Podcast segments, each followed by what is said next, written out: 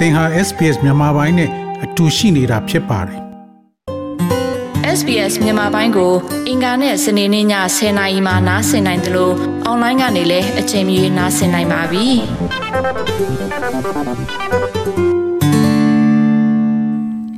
ဆိုအခုလိုကျွန်တော်တို့ SBS Radio မြန်မာပိုင်းအစီအစဉ်နဲ့ဆွေးနွေးပေးမယ့်အတွက်ကျေးဇူးအများကြီးတင်ပါတယ်။ပထမဆုံးအနေနဲ့စုအနေနဲ့မြန်မာပြည်မှာ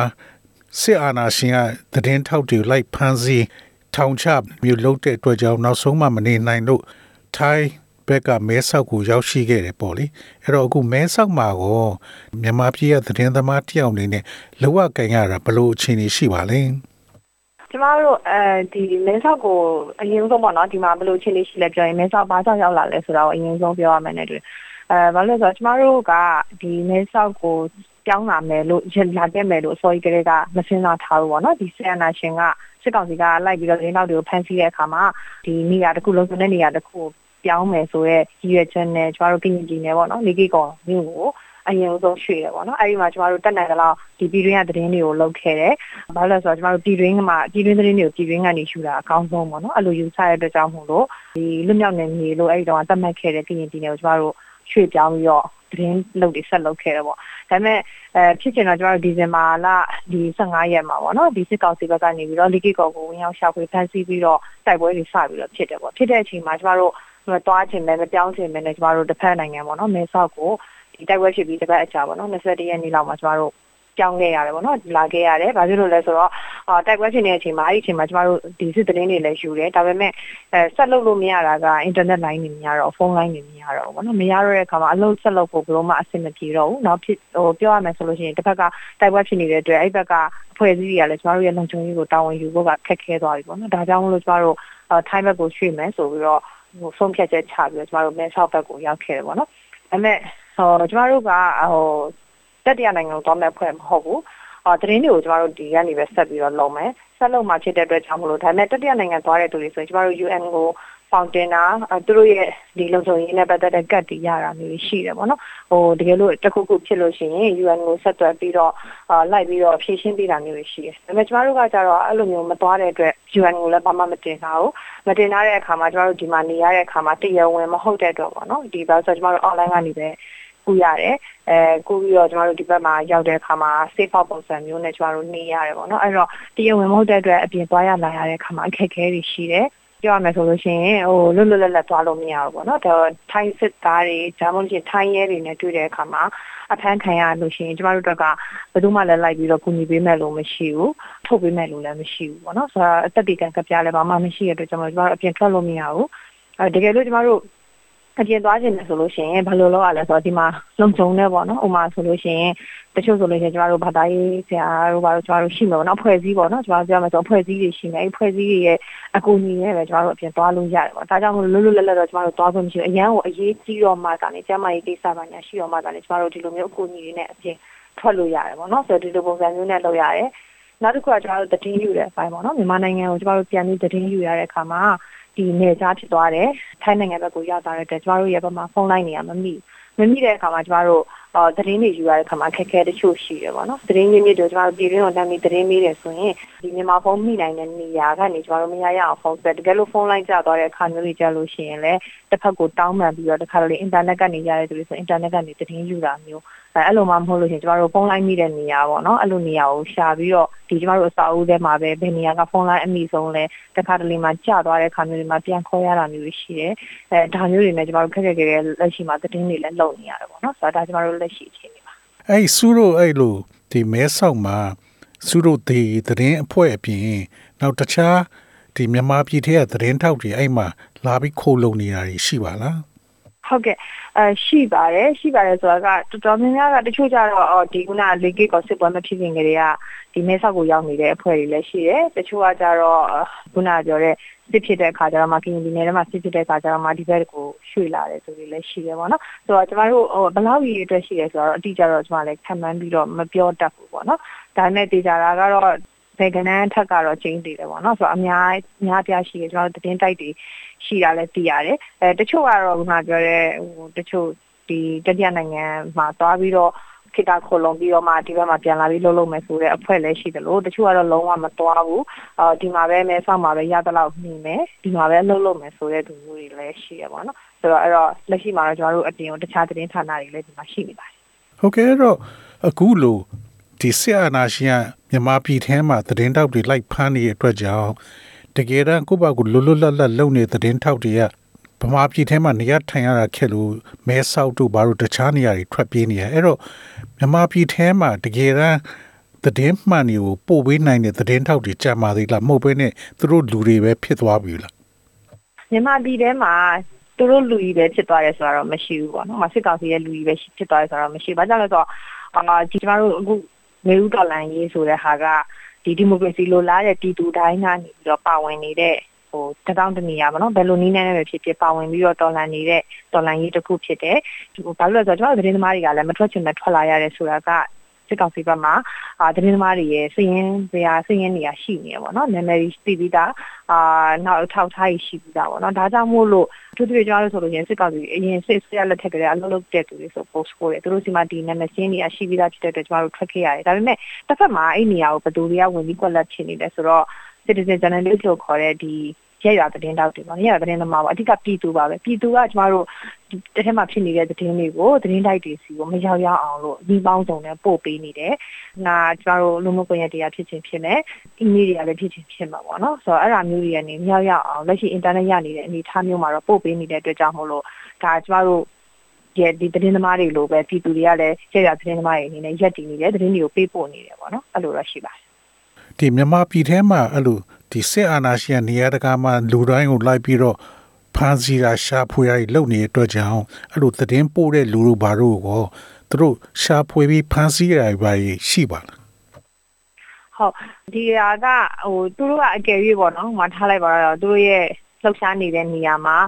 ရိုက်ကူးရေးလုပ်တယ်เนาะသတင်းယူရဲဆိုတာကိုပေါ်တင်တွေ့သွားလို့ရှိရင်တော့ အော်သူတို့ဖမ်းဆီးတာမျိုးတွေရှိရပါဆိုတော့ကျမတို့လက်ရှိမှာလည်းဒီကြက်ရတဲ့နမမပြည်သူတွေမှမဟုတ်ဘူးအသတင်းသမားတွေလည်းအထက်မှာကြံတဲ့တချို့ရှိရပါတော့အဖက်ခံနေရသူတွေလည်းရှိအောင်ရှိတော့မယ် နောက်ပြီးတော့ခုနသတင်းမလုပ်တော့ဘူးဒါပေမဲ့အရင်တော့သတင်းတော့လုပ်လုပ်နေတယ်အာအဲ့တော့အခုမှမိတယ်အရင်ကသတင်းတော့လုပ်ခဲ့တယ်ဖန်ခံရတဲ့သူတွေလည်းရှိသေးရပါတော့ဆိုတော့အဲ့တော့သူတို့နဲ့မိလို့ရှိရင်တော့ဒါဖန်ခံရတဲ့သူတွေကတော့ရှိနေတော့မယ်ပေါ့နော်ဒါပေမဲ့တစ်ခုရှိတာကကျမတို့ခုနပြောတဲ့ပြည်သူတွေအပြင်ကမှထားလိုက်ပါတော့ကျမတို့ဆန္ဒပြတယ်ဆိုရင်လည်းဒီဆန္ဒပြတဲ့အဖွဲ့အစည်းတွေမှာပါတယ်လူငယ်တွေကိုယ်တိုင်ကတင်းတွေကိုရိုက်ပြီးတော့ပို့ပေးတယ်အဲဒါကြောင့်သူတို့ရဲ့လုံခြုံရေးပေါ့နော်လုံခြုံရေးသူတို့ဦးစားပေးပြီးတော့ လုပ်တဲ့အနေအထားမျိုးတွေရှိတယ်။အဲနောက်တစ်ခုကကျတော့ကျမတို့ထားလိုက်ပါတော့ကျမတို့လက်နက်ကင်ပေါ့နော်အဖွဲ့အစည်းတွေဆိုလို့ရှိရင်လည်းအဲ PDF တွေဆိုလည်းအဲ့အဖွဲ့တွေမှာလည်းသတင်းနဲ့ပြန်ကြားရေးတွေအစားအကုန်ရှိပြီးသားသူတို့တွေကလည်းကျမတို့သတင်းဌာနတွေကိုသတင်းတွေပို့ပေးနေတယ်ပေါ့နော်။ဆိုတော့အဲ့လိုပုံစံမျိုးတွေနဲ့တွားနေတဲ့အတွက်ကြောင့်မို့လို့ဒီလုံခြုံရေးကိုအသိရှိတဲ့သူတွေတက်ကတော့ ဟိုတတိထားနိုင်တယ်ပေါ့နော်ဒါပေမဲ့ခုနကပြောတဲ့ပြည်သူတွေဖန်ဆီးမှုရှိလားဆိုတော့ကျွန်တော်တို့ data အတိအကျတော့ကောက်လို့တော့မရနိုင်ဘူးအတိအကျတော့မသိနိုင်ဘူးဒါပေမဲ့လက်ရှိမှာကသတင်းသမားတွေလည်းဖန်ခံနေရဆိုပြီးတော့ pop tin နဲ့သတင်းယူနေလို့ရှိရင်တော့ဒါဖန်ခံရနိုင်ခြေကတော့အများကြီးရှိတယ်ပေါ့အခုလိုစုလို့လို့မြန်မာပြည်ထဲကထွက်လာတဲ့ဒီသတင်းတောက်တွေအနေနဲ့အခုလောလောဆယ်မှာဒီအမျိုးသားဒီညီညွတ်ရေးဆိုရ NUG ကဒီသတင်းနဲ့ပြန်ကြားရေးအဖွဲ့နဲ့အဲ့လိုအဆက်အသွယ်ရှိပြီးအဲ့လိုပူးတွဲလုပ်တဲ့လုပ်ကင်တာတွေပါရှိပါ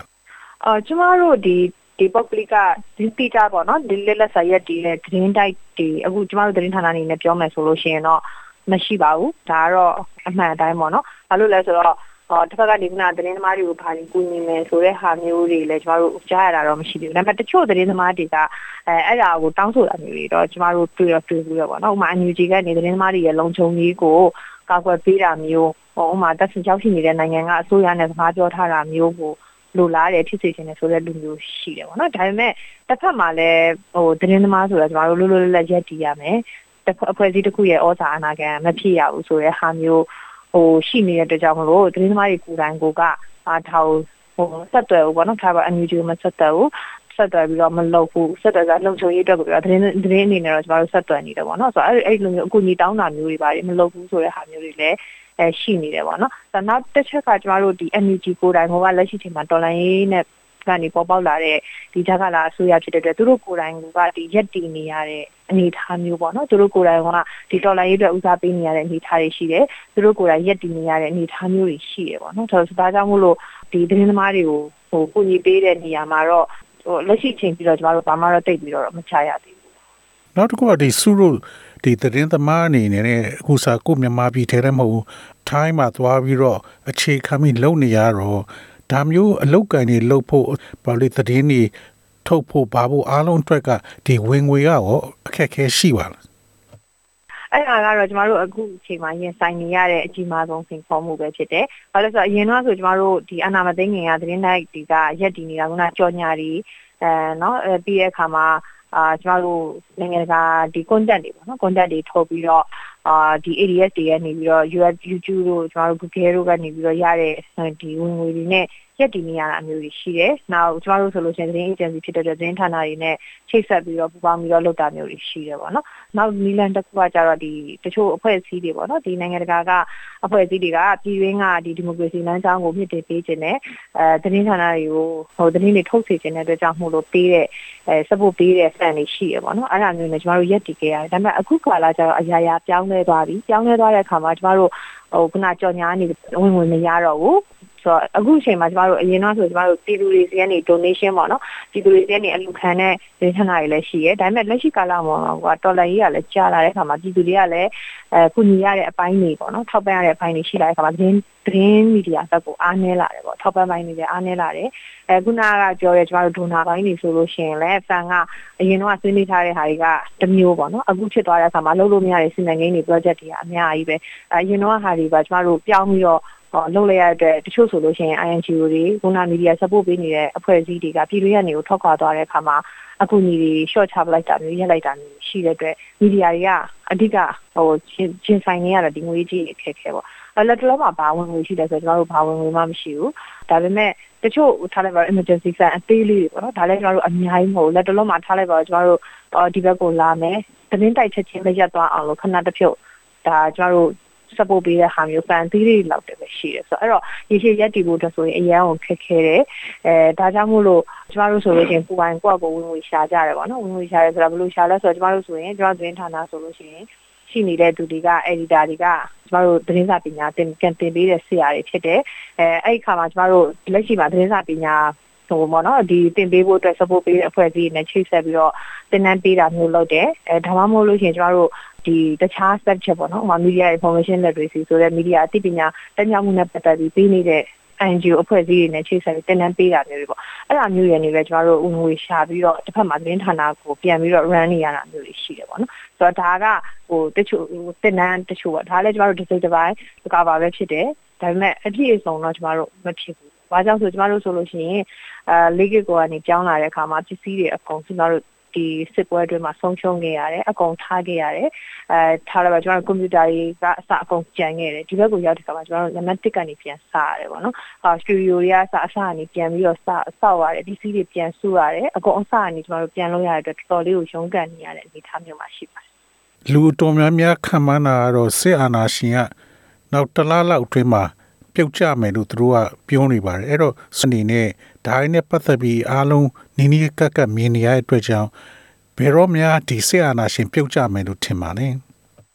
ဆိုတော့ဒါလူတွေကတော့အမျိုးမျိုးခံမှန်းနေကြတာပေါ့နော်လက်တလုံးမှာကျမတို့ဒီရပိုင်းလေးမှာပဲဖြစ်သွားတဲ့အဲတိုင်းသားလက်နက်ကိုင်ဖွဲ့စည်းကိုစစ်ကောင်စီဘက်ကအကောင့်ဆောင်ကနေပြီးတော့ဟိုညင်းညင်းဆွေးနွေးမယ်လို့ပြောလိုက်တဲ့နှိမ်ကုန်အပြီးမှာလူတွေရဲ့မျှော်လင့်ချက်ကအရန်တက်သွားတယ်စစ်ကောင်စီကတကယ်ပဲအ ချက်ရိုက်နေပြီလားပေါ့နော်အချက်ရိုက်နေပြီလားအမြန်ဆုံးပဲသူတို့တောက်မခံနိုင်တော့ဘူးပြုတ်ကြလိမ့်မယ်လို့ယူဆကြတယ်ပေါ့နော်ဒါပေမဲ့တစ်ဖက်မှာလည်းကျမတို့စစ်အစိုးရကလည်းစစ်ကောင်စီဆိုတာမြန်မာနိုင်ငံမှာကနှစ်ပေါင်းများစွာအောက်ချုပ်ပြီးတော့နှစ်ပေါင်းများစွာဘယ်တော့မှအလျှော့မပေးတဲ့အဖွဲ့အစည်းတစ်ခုပေါ့ဟောဒါကြောင့်မလို့လွယ်လွယ်နဲ့တော့သူတို့ဘက်ကတော့အလျှော့ပေးမှာတော့မဟုတ်ဘူးဟိုဂျားထဲမှာအများကြီးပေါ့ဟိုသူတို့ဘက်ကကျွန်တော်ကျွန်မသူ့ရဲ့ personal အမြင်ရဆိုလို့ရှိရင်သူတို့ဘက်ကဖြစ်လာနိုင်ကြီးရှိတာခုနကပြောပြေဆုံး ညီနိုင်ဆွေးနွေးရေးပေါ့အခုလိုပေါ့ကျမတို့တိုင်းသားနဲ့အဖွဲ့တွေကိုဆွေးနွေးဖို့ခေါ်တယ်လို့မျိုးပဲဒါမျိုးတွေပဲသွားရင်းနဲ့နည်းနည်းလေးတော့ဟိုနော်ကျမတို့မျှော်လင့်ချက်ကတော့ရှိတယ်ဒါပေမဲ့နည်းနည်းလေးအချိန်လေးတော့ဂျူလေးအောင်မယ်လို့တော့ကျမထင်တယ်ပေါ့နော်ချက်ချင်းလက်ငင်းတော့ရောအင်းဆိုပြီးတော့အနာတော့သူတို့ပြန်ပေးလိုက်မှာမဟုတ်ဘူးပေါ့နော်ဆိုတော့နောက်ပြီးတော့ကျမတို့ထားအပြင်ကိုထပ်ပြီးတော့တကယ်လို့ကျမတို့ ဒီတော်လာရေးမှာထားလိုက်ပါတော့ကျမတို့ဘက်ကနေအသာစီးရတယ်ဆိုရင်တော့ကျမတို့ဘက်ကနေပြန်လုပ်ရမယ်အပိုင်းတွေကလည်းပြန်လဲထူထောင်ရေးရောကျမတို့လုပ်ရမယ်အပိုင်းတွေကလည်းအများကြီးရှိနေတယ်နော်ဆိုတော့အဲ့တော့အချိန်တစ်ခုတော့အဲ့ရန်မဟုတ်တာကျမတို့အချိန်တစ်ခုတော့နင်းငယ်တော့ယူရလိမ့်အောင်မယ်လို့တော့ထင်ပါတယ်ဟုတ်ကဲ့ဆိုအခုလို့ကျွန်တော် SBS Radio မြန်မာပိုင်းအစီအစဉ်ကိုအခုလို့အားလုံးမဲဆောက်မှာကြုံတွေ့ရတဲ့နေရာနဲ့ပတ်သက်ပြီးတင်ပြပြီးတော့ကျေးဇူးအများကြီးတင်ပါတယ်ကျွန်တော်တို့ SBS မြန်မာပိုင်းအစီအစဉ်ရတဲ့စုလို့လို့ ဒီသတင်းထောက်တွေပေါ့လေအသက်အနေကြားထဲကနေအလုံးလုံးနေရတာကိုလည်းအများကြီးလေးစားပါတယ်လို့ပြောချင်ပါတယ်ဟုတ်ကဲ့ကျမတို့လည်းအခုလိုမျိုးသိခေါ်ပြီးတော့မြန်ပြီးတော့ကျေးဇူးတင်ပါတယ်ရှင် SBS မြန်မာပိုင်းကိုနားဆင်ရတာနှစ်သက်ပါသလား Facebook မှာဆွေးနွေးမှုတွေကိုဆက်ကြရအောင်ပါ SBS မြန်မာပိုင်း Facebook ကို like လုပ်ပြီးတော့သင်ချင်တဲ့ချက်ကိုမျှဝေနိုင်ပါတယ် SBS Bemis ကို Facebook မှာ share ကြည့်နိုင်ပါတယ်ရှင်